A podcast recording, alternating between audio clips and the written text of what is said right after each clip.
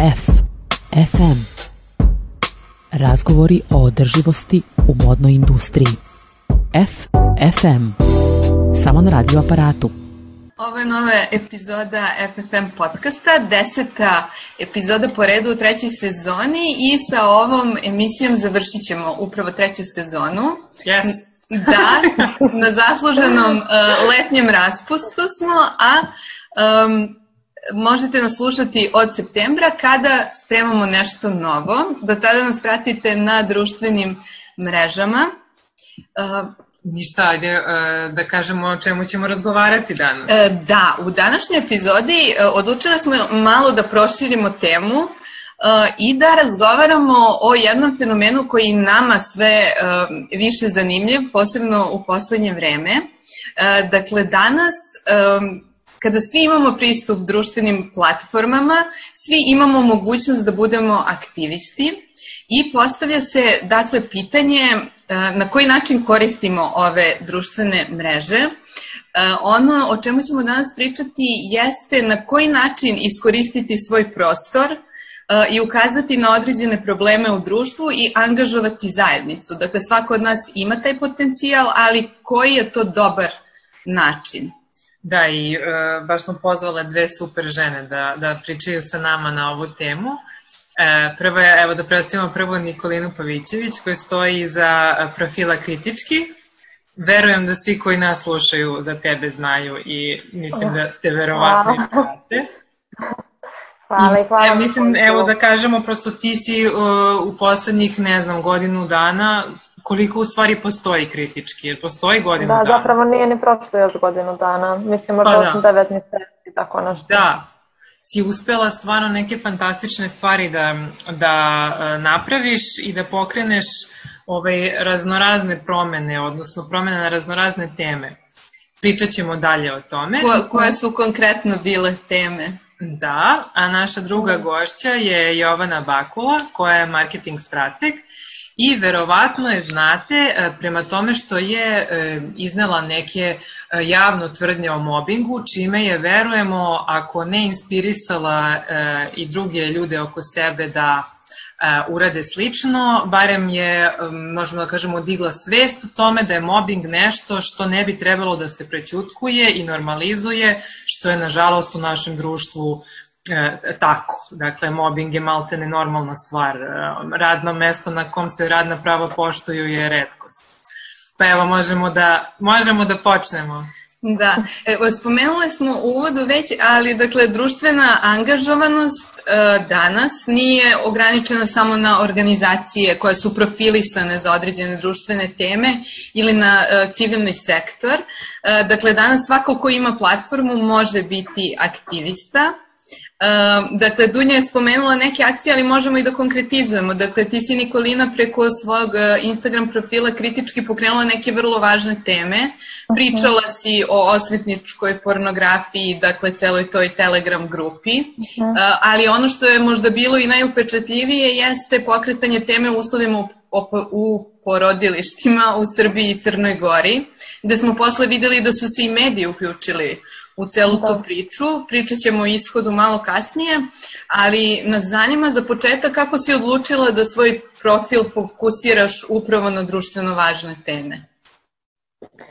Pa, s tim ciljem je i nastao ovaj profil. Dakle, e, kad sam krenula, već sam imala viziju čime želim da se bavim i nekoliko dana prije nego što sam otvorila profil sam već zapisala sve teme koje sam na početku obrađivala, kasnije se to dosta mijenjalo jer su mi ljudi slali iskustva, ljudi su mi slali čime misle da bi bilo još ok da se bavim um, s obzirom na to šta su oni doživjeli ili čem, čem, čemu su prisustvovali pa misle da je važno da ljudi čuju. Tako da sam bukvalno krenula sa tim, sa, sa tim ciljem i to što kažeš uh, prosto svako danas može da iskoristi svoj profil nebitno da li imamo 200 ili 20 hiljada E, ljudi koji nas prate ili bukvalno baš broj nije bitan zato što ja to gledam kao dovoljno uticati barem na jednu osobu da se nešto promijeni jer ako utičemo na tu jednu osobu ona će uticati na još nekog pa će ta osoba uticati na još nekog i tako nešto. Mislim možda sam ja baš optimistična po tom pitanju ali ja stvarno zamišljam da uopšte nije bitno koliko nas ljudi prati da možemo da napravimo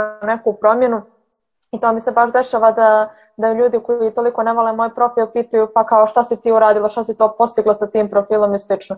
Ja iskreno mislim da je dovoljno što sam uopšte napravila profil i što izbacam s vremena vrijeme i to da je to već dovoljan uspjeh i da je to već nešto što može pokrenuti teme, što može pokrenuti stvari i slično. Tako da ne mislim da sad, ne znam, posle 8-9 mjeseci, ne znam sad tačno, um, od nastanka profila treba da bude neka ogromna bura ili ne znam nija šta da se desi, već će dovoljno samo pokrenuti neke teme. To će da stvori razgovor među ljudima koji me prate, to će da oni će onda da pokrenu razgovor sa nekim drugim i slično. Prosto je bitno osvijestiti, jer eto, spomenula si um, ovaj, za hranu u porodilištima, ne samo u Srbiji i Crnoj Gori, nego radila sam intervjue s ljudima iz Bosne, s ljudima iz Hrvatske i slično.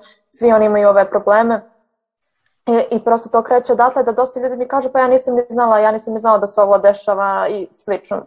To je već Evo, ja nisam znala. Da. Ja nisam znala, da.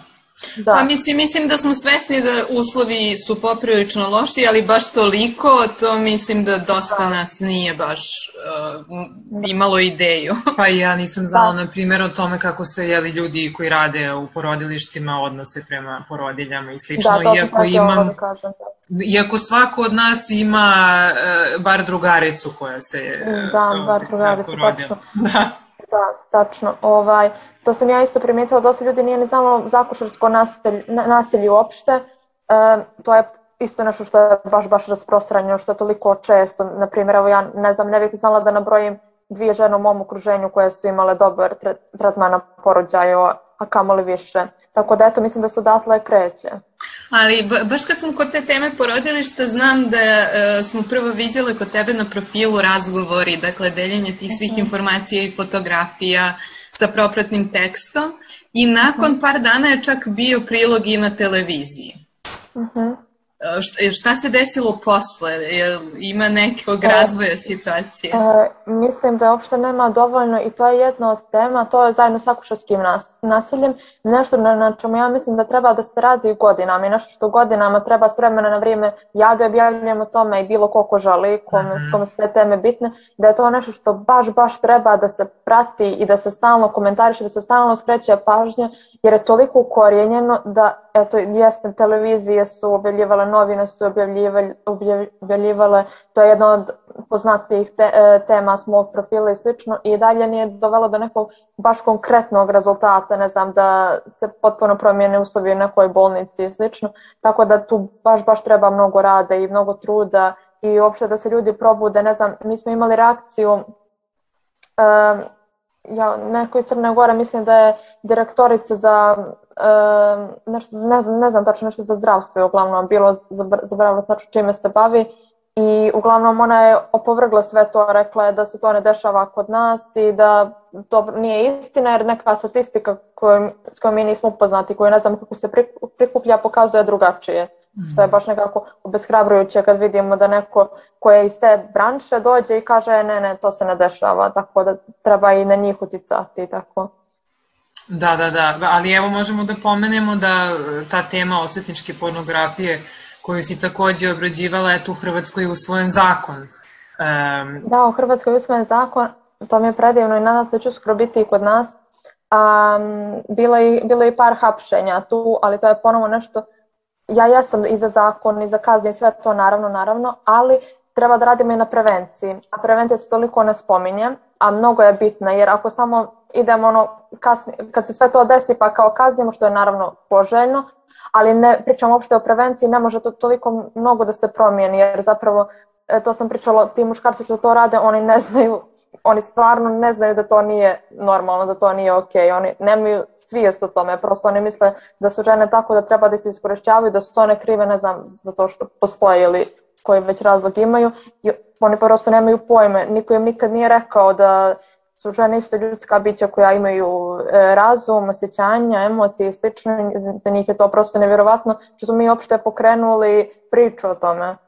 Da, Zanimljivo, e, vratit ćemo se posle ovaj, Nikolina, pričat ćemo i dalje o tome. Jovana, e, ja sam malo predstavila dakle, tebe, e, ali zaista verujem i kao što sam rekla i za Nikolinu u uvodu, verujem da svi koji nas slušaju znaju ko si ti. Ove, I vrlo često, ne znam ako si čak slušala našu prethodnu epizodu, um, Bojana Tamindžija iz Clean Clothes kampejna te je pominjala nekoliko puta i zahvaljivala ti se upravo na tome što si javno iznela svoj stav ovaj, o, o mobingu i time dakle digla svest malo i pokrenula prosto priču o tom pitanju.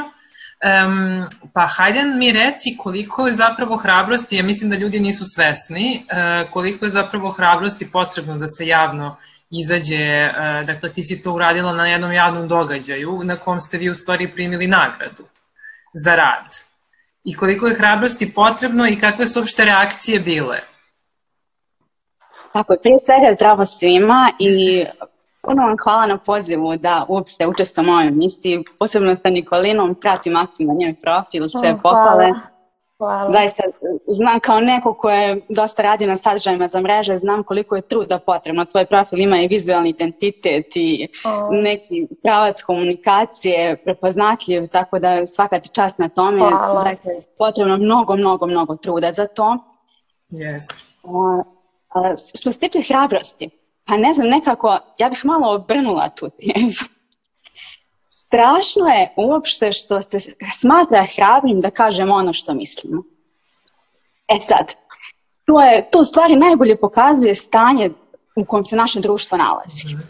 Strašno je što je postalo hrabro da damo otkaz. Što je, što je hrabrost da kažemo zašto smo ga dali. Mislim, to su sve neke stvari koje, tako da ja taj moj gest ne smatram hrabrim, nego zaista nečim što bi trebalo da bude praksa, a ne, a ne hrabrost. E sad, reakcije. Pa zaista kao neko ko je više od 7 godina u marketingu, nisam mogla da zamislim da će to doći do ovog broja ljudi. Mislim da se razumijemo, to nije bio uh, produkt uh, dugoročne strategije i planiranja, nego je samo moja izjava uh, bila moja emotivna reakcija na dešavanje i ono jednostavno jedini put koji sam ja osjećala kao pravi u tom momentu. I onda kada se to sve desilo i kada sam objavila nisam mogla ni da zamislim da će to pogledati taj broj ljudi. Jer mislim, moj profil, ja ne znam da li je u tom momentu pratilo i, i hiljadu ljudi, nebitno, a video je pogledalo preko 1095 hiljada. Da ne pričamo o medijima i broju poziva koje sam dobila, poruka od strane medija i slično, mislim zaista je to onako odjeknulo u javnosti i postalo je viralno. Uh mhm. -huh. Što je teško, mislim, uh, teško je to predvideti. Mislim, i najveći marketing stručnjaci teško mogu predvideti da će nešto baš postati viralno. Viralni videi obično i nisu komercijalni, da se razumijemo. Jeste. Pa ne, ovaj, e, sad kad si rekla, Marija je malo pre pitala Nikolinu kao kako, je, kako neke teme dolaze e, do medija, moj utisak je u stvari da mediji sve više prate šta se dešava na društvenim mrežama. Tako je. koliko god to paradoksalno bilo. Ja se sećam baš upravo kad je bila, dakle kad si ti pustila taj video i, ovaj, i onda su oni, prepostavljam da je tebi goreo telefon, ali ovaj, onda su Da, jer e, znam kako je bilo, mi smo podelile upravo, ti si nas tagovala, mi smo podelile tvoj video i onda su oni i nas krenuli da zovu. Znaš, mi smo ono bili dali jednu izjavu za neku, ne mogu da setim tvoja televizija bila, nas su jurili danima kao ovaj, da, da nastavimo, ovaj, da, da, tako da mogu samo da zamislim kako, kako je tebi to bilo. Hvala vam na toj podeli, meni je mnogo značilo jer vas pratim duže vreme i zaista cenim to što radite. Mislim da je velika stvar i ono, ne znam, znači stvarno, kako kažem, neko, neko sam koji je pisao saopštenja za javnost i dao izjave za medije, ispred kompanija za koje sam radila, ali u ovom slučaju, u slučaju lična priča o pitanju. Da, da. I onda uh, prosto nisam bila psihički spremna, niti sam mogla da dalje nastavim tu komunikaciju javno, prije svega zbog psihofizičkog zdravlja, A postoje naravno još jedan razlog, svi ti naslovi su bili onako dosta senzacionalistički. I taj to komunikacije u, u velikoj meri je uh, išao a, u smjeru iznošenja prljavog veša i pikanterija, što meni nije bio cilj.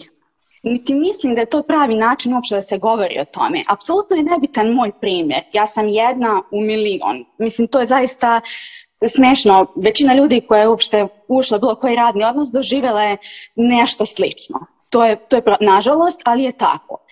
I onda nekako o tome se ne treba pričati na nivou jednog slučaja i da se pravi od toga senzacija na nivou nekih detalja, uh, pominjanja brenda i, i sličnih stvari. O tome se treba pričati u smjeru uh, kako rešiti te stvari. Treba se pričati u smislu podizanja svijesti generalno o tom problemu.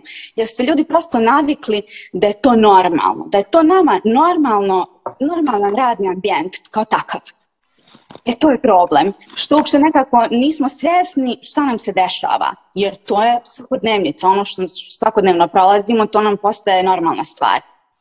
I to se da. generalno dešava sa mobbingom. Jeste, da, sad isto vreme.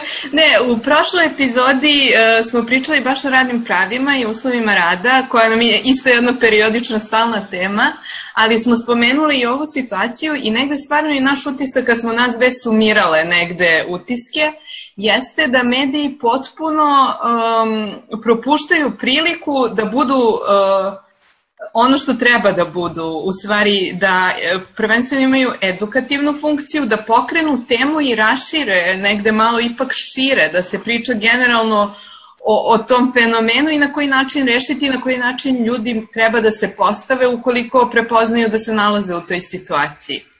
Da, da a ja... kod nas se to najčešće svodi na, jeli, upravo ovo što si ti rekla, senzacionalizam, traženje krivca, a u stvari... I prozivanje, u stvari, samo bez nekog pokretanja dijaloga i predlaganja rešenja. E, ali hoću da se vratim samo na jednu stvar. E, m, pored nas podelili su mnogi, mnogi ljudi, stvarno, e, na društvenim mrežama kada si objavila video I sad, e, to je pitanje za obe, ali možemo to Jovana od tebe da počnemo. Dakle, koliko je važna podrška ljudi na mrežama i ta lančana reakcija, gde će što više nas da podeli to, da će što više ljudi da vidi i eventualno nekako uh, da koliko pa, je značaj. Neki efekt će da. se, nešto će se desiti, da.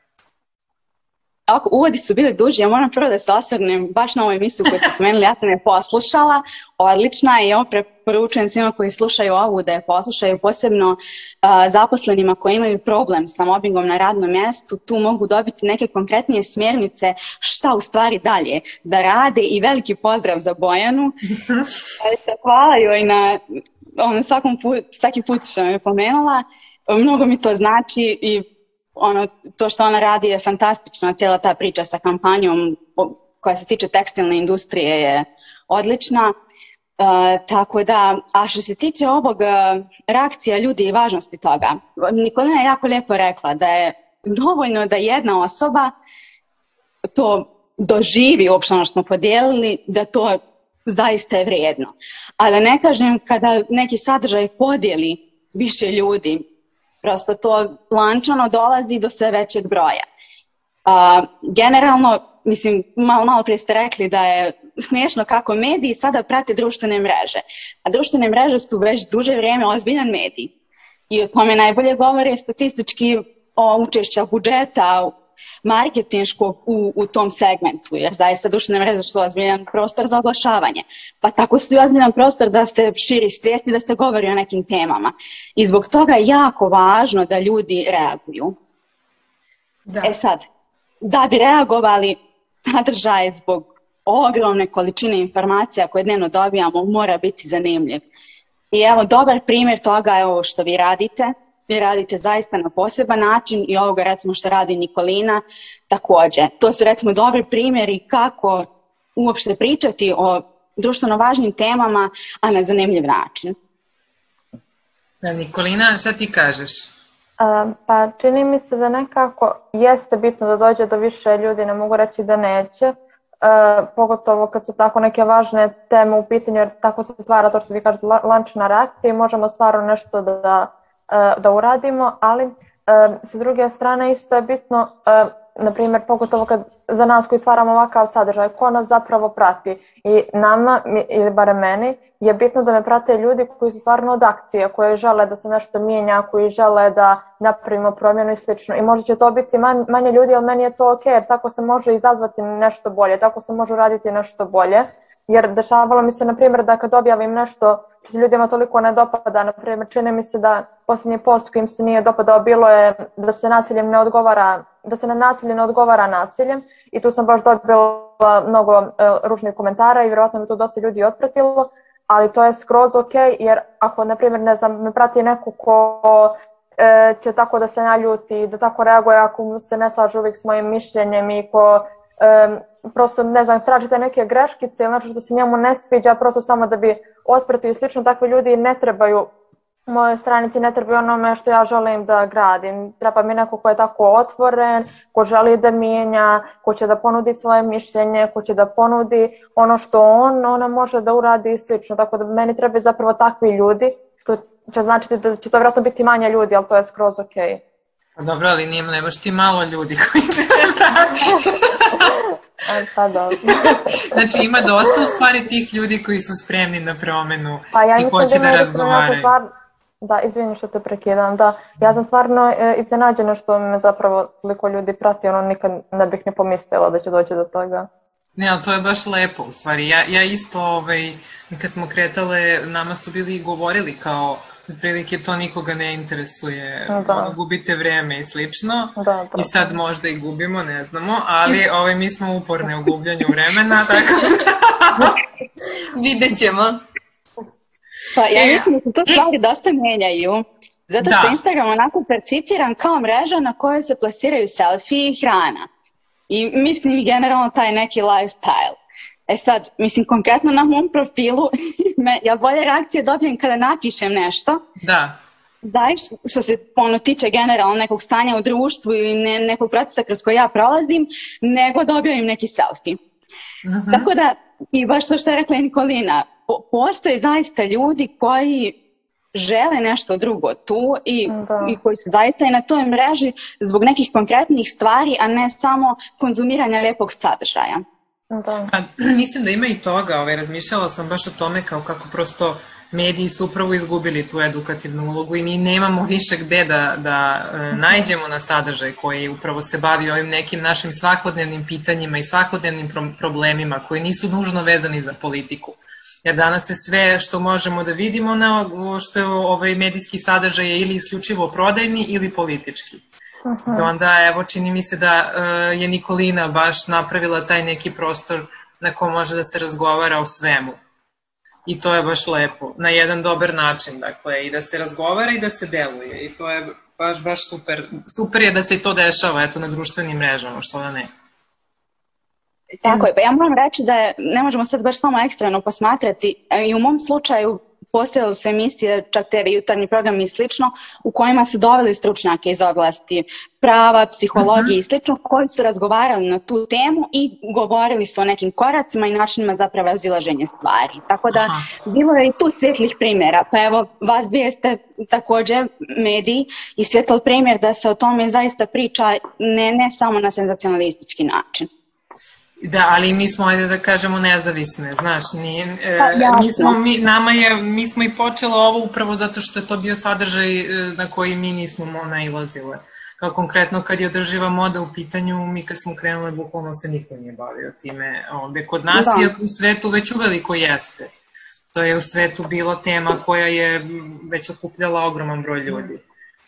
Ove, e, šta, sam, šta sam htela da kažem, Hajde da, pri, da, pitam, da pričamo sad o upravo e, ono što, na primjer, je meni zanimljivo ovaj, e, Nikolina, kako se ti nosiš sa svim tim negativnim kritikama u stvari, jer sam viđala i to kod tebe, um, ti objavljaš baš puno sadržaja i evo kao iz ličnog iskustva znam koliko je teško u stvari kad si involviran u sve to, mislim, ceo dan si u stvari na svom Instagram profilu.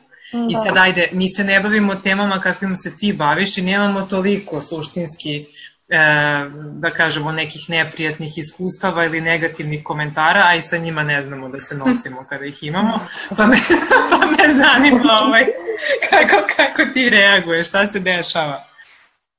Uh, pa moram da priznam da još uvijek nemam neki dobar mehanizam kao, ne znam što sad mogu da kažem kao savjet drugima, nešto što meni prija kako se ja borim s tim. Ponekad stvarno ne bude mi svejedno, toliko mi se stvari nakupi i onda mi još samo treba da neko omalo, omalovažava me preko interneta posle svega toga i posle, mislim, stvarno se potrudim i da napravim objavu, da sve provjerim, da stavim izvore, sve, sve, sve i onda kad pročitam tako nešto, posle svega toga samo pomislim šta, šta, šta da odgovorim na ovo. Um, ne bude mi sve jedno iskreno, ali eto, ponekad kad se baš nakupi, na primjer, posle objava Telegram grupa, u grupa, mi je bilo baš teško na neki način, ono, zato što se toliko stvari nakupilo, prvo sam toliko stvari vidjela, baš užasnih što ne mogu da pomislim da zapravo ljudi rade, ne znam, možda zato što nisam s takvim ljudima u okruženju, meni je to možda nekako nepoznato i slično, onda kad vidim šta ljudi rade, što su nečija braća, očevi, prijatelji i slično, baš mi ne bude svejedno pomislim na sve te djevojke u njihovom okruženju i kako je njima, onda uz to i ručne poruke i sve što mi se baš nakupilo i tipa posle toga sam uzela par dana, ono, slobodnih nisam uopšte ulazila na Instagram i tako pa kad mi se nakupi baš uzme samo malo, kao dva, tri dana da ne ulazim i to mi stvarno pomogne da se malo oporavim, ali ne mislim da je to sad najbolji način, prepostavljam da ima i nešto bolje, ali kad sad znam reći ću. ne, ne znamo ni mi. ne znamo ni mi. Nije, ali svakako ume da bude opterećujuće, a čini mi se da ljudi koji prate u stvari profil kao što je tvoj nemaju svest da to, eto kao što je Jovana rekla, da to uopšte vodi jedna osoba. I da, da je... kao što ne znaju da je jedna osoba, da. Da, znam i nama kad pišu, ovaj, pa kao napišu nam onu DM, ne znamo ko sad čita ovo, ali kao... Pa, Evo da vam kažem. kao prilike ne znamo ko je sve to, pa mi kao to, to je to, ili Marija ili Dunja, nema nikakvi. da, da, da. I mene tako isto napišu kao pozdrav timu i tako. Da, da, da. E, Jovana, da, ču, da čujemo od tebe. Ka, kako si se ti nosila sa celom situacijom nakon um, nakon što si javno istupila. I samo bih htjela pa, još nešto da dodam, Jovana, izvini što te prekidam. Ti si mhm. malo pre rekla da si ti jedna u milion i da to nije važno, a ja ne bih se složila s tobom. Mislim da je jako važno to što si uradila, jer mislim da nije bilo tebe, verovatno ne bismo evo koliko meseci kasnije i dalje pričali o tome. Znaš, ovaj, tako da je to samo mali, mali upad, može za nas. Hvala, svakako da je važno pričati, ali više se to odnosilo na taj segment hrabrosti. Postoje mnogo hrabriji ljudi sa kojima sam ja i stupila u kontakt nakon ove cijele priče, ljudi koji su ono bili na sudu 4-5 godina, koji su se borili, kako kažem, mnogo intenzivnije, ljudi koji su pa da kažem, ljudi koji sad možda prolaze u ovom momentu jako teške stvari na poslu. Mislim, za sve to je zaista potrebno mnogo snage. E sad, što se tiče tih reakcija e, i, i svega toga, mislim, meni je baš ovo što je Nikolina rekla, e, generalno takve profile, kao što je vaš nje, ne može da vodi neko ko nije empatičan. Da ne kažem jako empatičan. I onda čak i kada nije lična priča, prosto doživiš to. Zato što proživljavaš te emocije, važno ti je čim se baviš tim. Kada je lična priča, onda je to još na dodatnom nivou teže zato što je zaista vrlo subjektivno.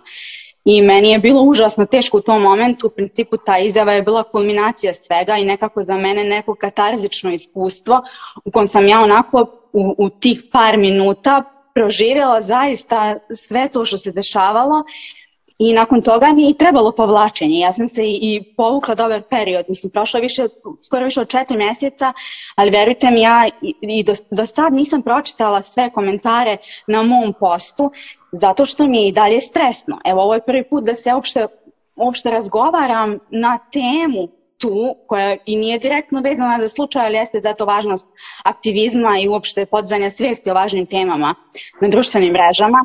I nekako taj otklon je jedino što sam ja mogla da uradim, jer nisam bila zaista sposobna da se bavim tim, da budem uključena aktivno na profilu. Tako da to što Nikolina radi, to sam ja uradila i teško da mogu nešto da kažem. E, generalno, ono što sam vidjela od reakcija bile su jako pozitivne.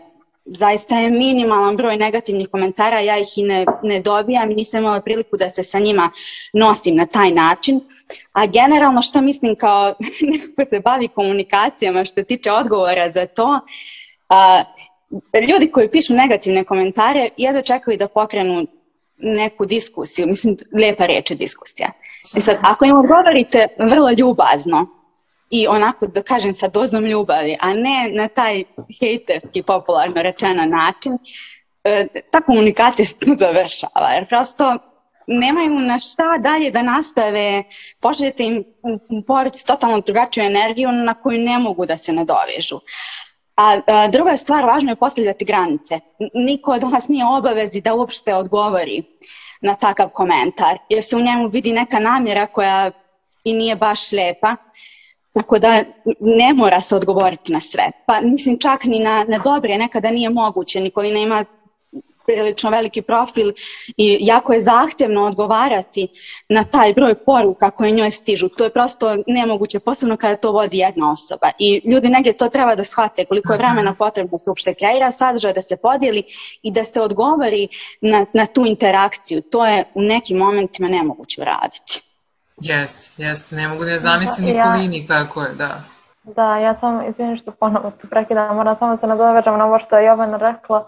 Um, to mi se, pogotovo na početku, baš, baš nekako osjećam grižu u savjest što ne srečem da odgovorim na sve poruke, pogotovo kad su neka iskustva u pitanju i slično, ali iskreno, stvarno fizički ne mogu da stignem, baš nije moguće stići, ali toliko se ponekad loše osjećam i ovo što je rekla da još nije pročitala sve komentare iz svog posta, ovo naravno nije isto, nisam ja stavljala sad subjektivne neke, neke priče, tako da se ne može uporediti, ali to mi je podsjetilo na činjenicu da ja inače jako često čitam komentare, ne znam, na drugim portalima, na videima i slično. Komentare gledam kao neki uvid u javnom mnjenju koji je meni dostupan, koji mogu da vidim šta ljudi misle.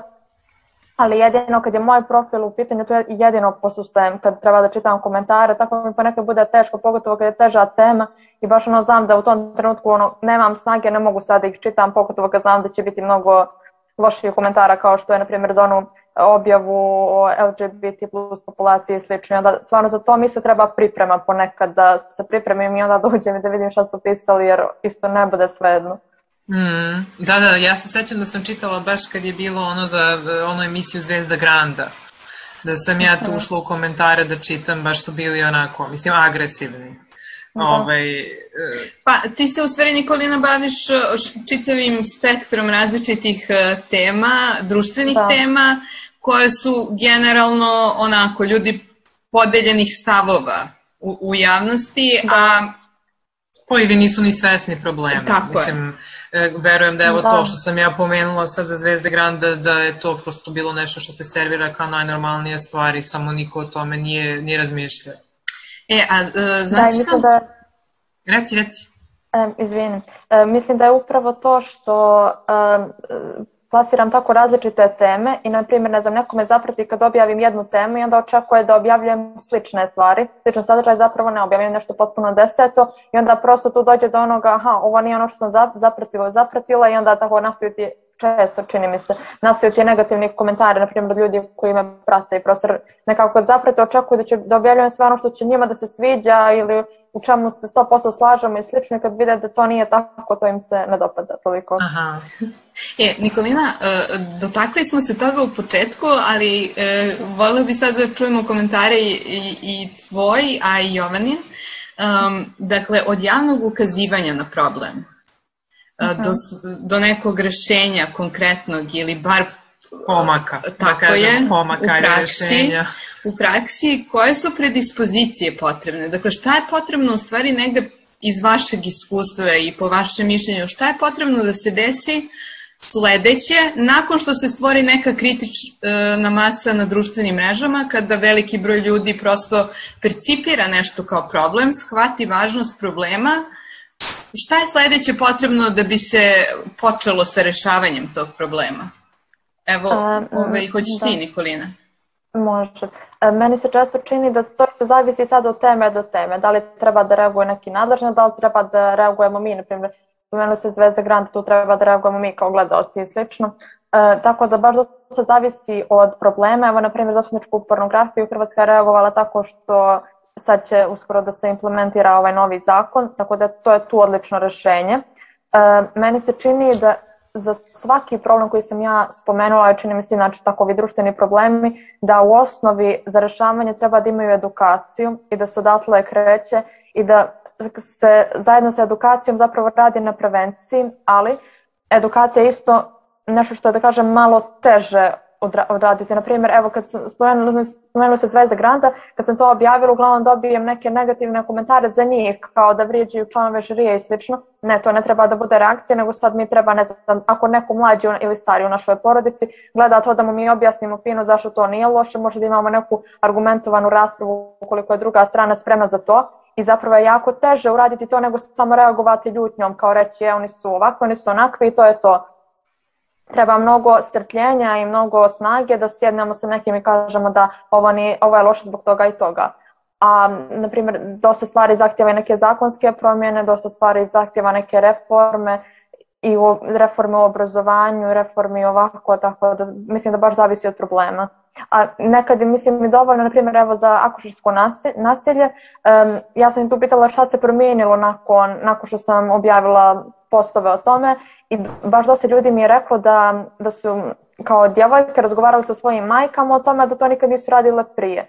I to mi je bilo predivno, dakle, i baš sam mi nedavno dobila jednu sličnu poruku o tome, to mi je bilo toliko divno zato što samo zamislim, ne znam, gdje djevojke vjerojatno nisu bile upoznate sa tim, njiho, njihove majke nisu rekli ništa o tome i onda samo sjele i pričale o tome i mislim da je to stvarno baš wow, jedan korak naprijed i nije se samo probudilo kod jedne osobe, nego kroz mnogo ljudi koji će možda uraditi nešto pozitivno da, da utiču i da nešto, možda nešto zajedno promijenimo u bližoj budućnosti. Jovana?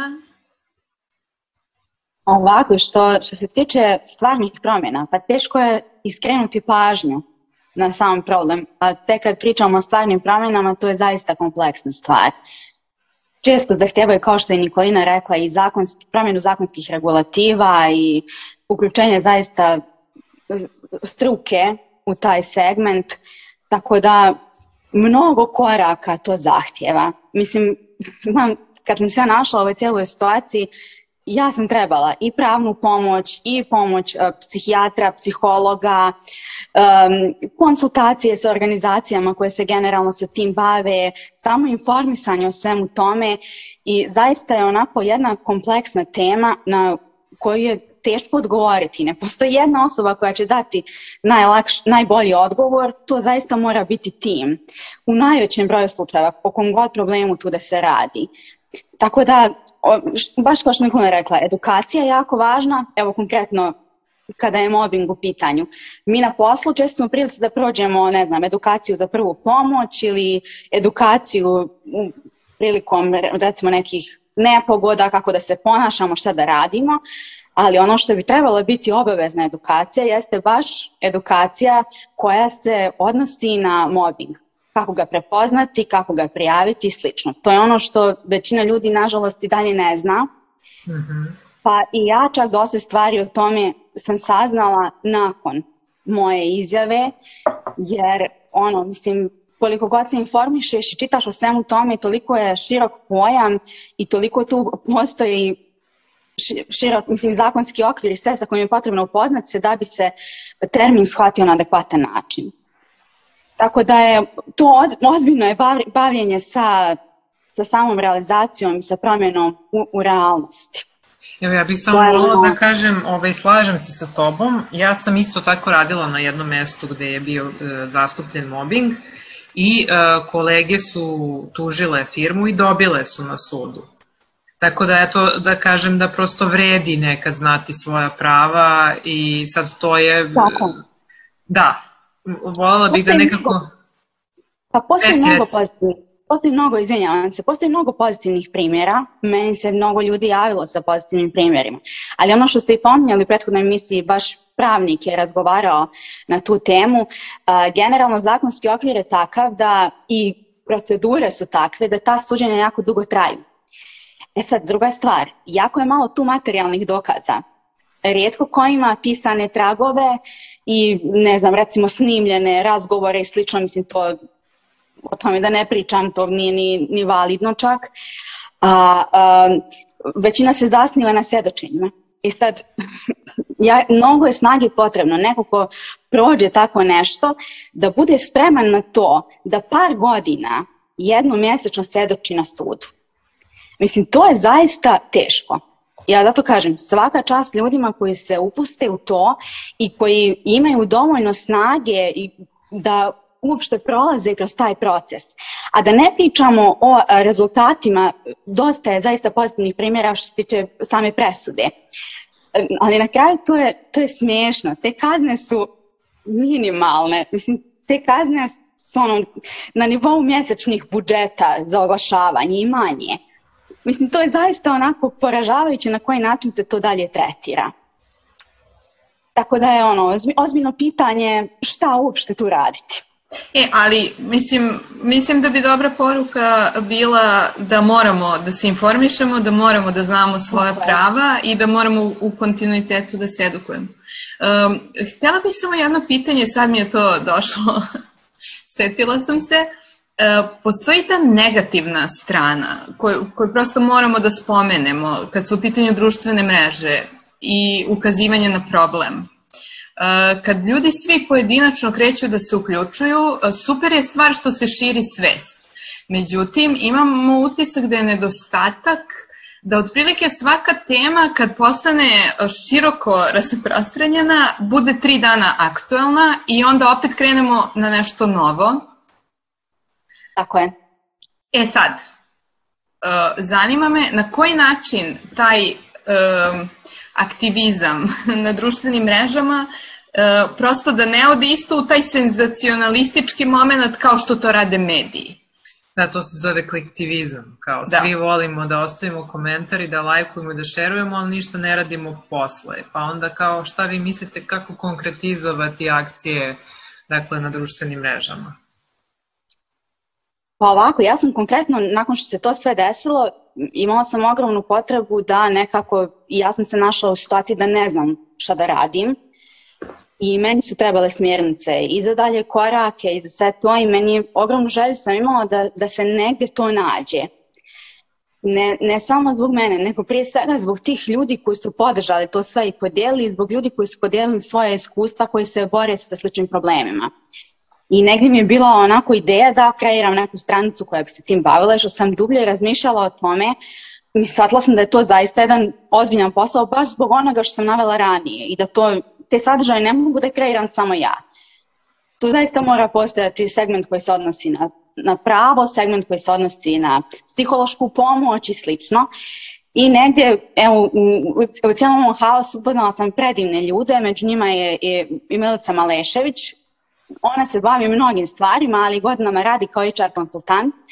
I kad sam skupila, stupila u kontakt nakon ovoga svega, ono, bukvalno ja njoj iznostim tu ideju, ona meni kaže, ali ja radim na sajtu koji je ono, tog tipa i godinama je skupljala i iskustva i negdje bavi se tim i ja sam ono bila presrećna zbog toga jer sam našla nekog s kim mogu da radim na tom polju i da dam svoj doprinos u onom čemu sam ja najbolja, a to je negdje komunikacija i način na koji to može da se predstavi.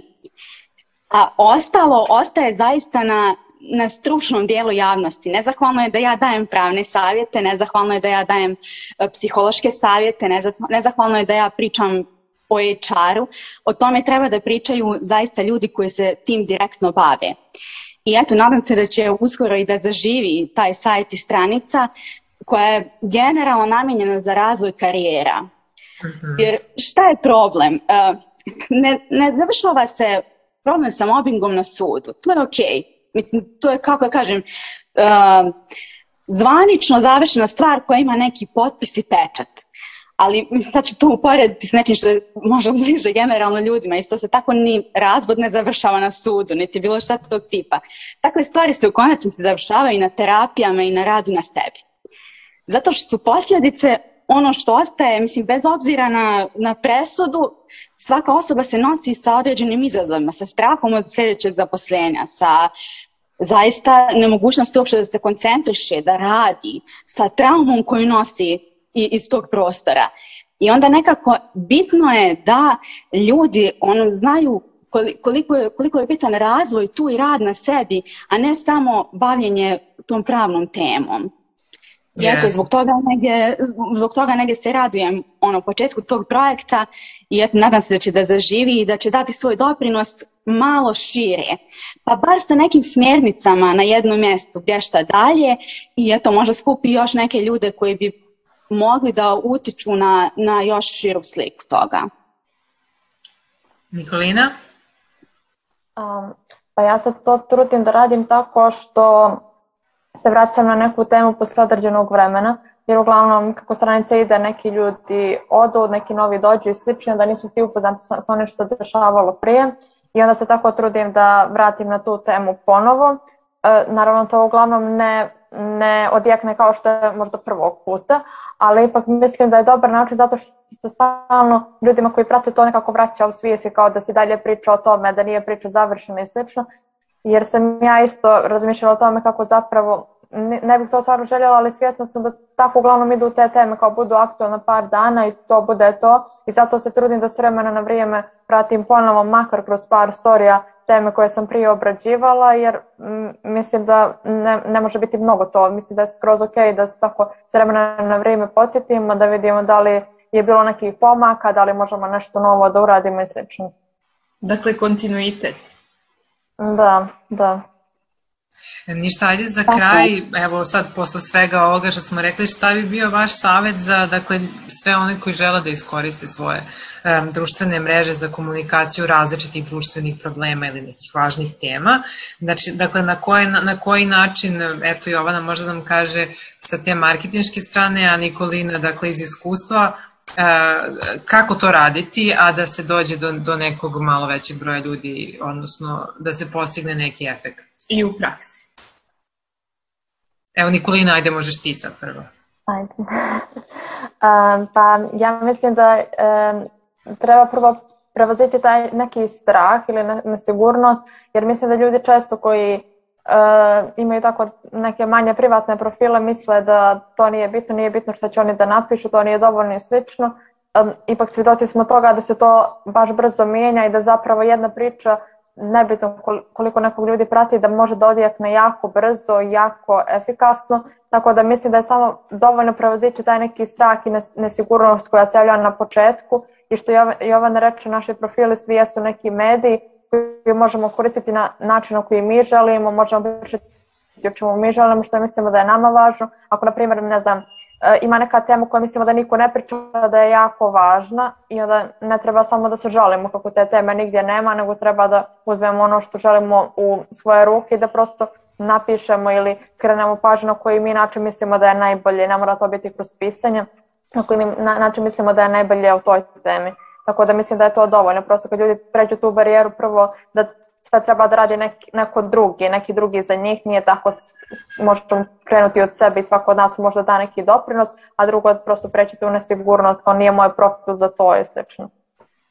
Da, Dakle, nek na, svako nek napravi za početak prvi korak, pa posle da. ovaj, polako. Ja, ona šta ti kažeš? Da. Pa, u principu, dotakla sam se toga već važno je zaista da sadržaj bude zanimljiv.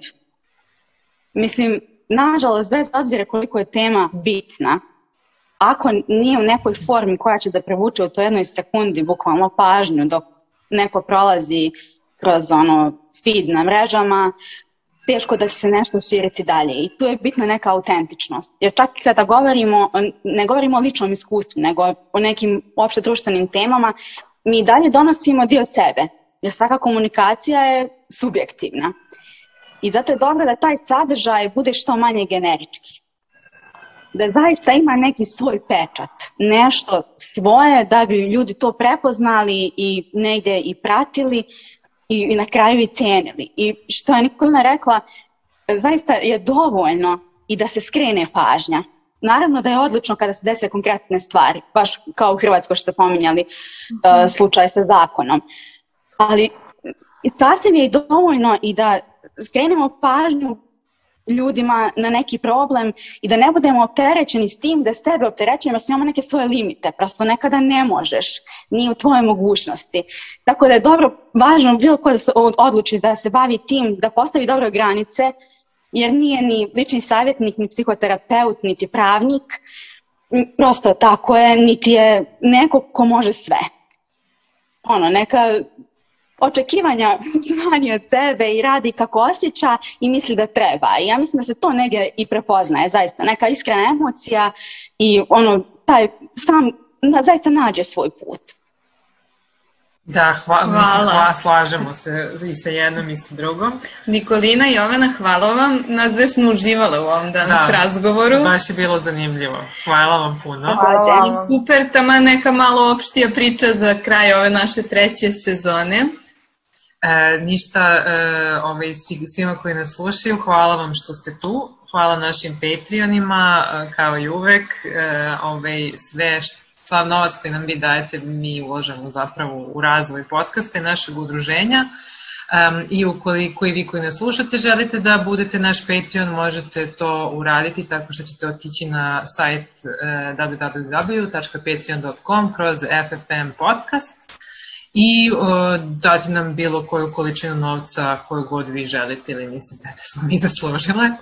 A, a pratite nas umeđu vremenu na Instagramu kao i do sad i tu smo uvek za sve šta vam je potrebno. Hvala još jednom našim gošćama i ovaj, slušamo se dakle u septembru. Ćao! Ćao. F. FM. Razgovori o održivosti u modnoj industriji. F. FM. Samo na radio aparatu.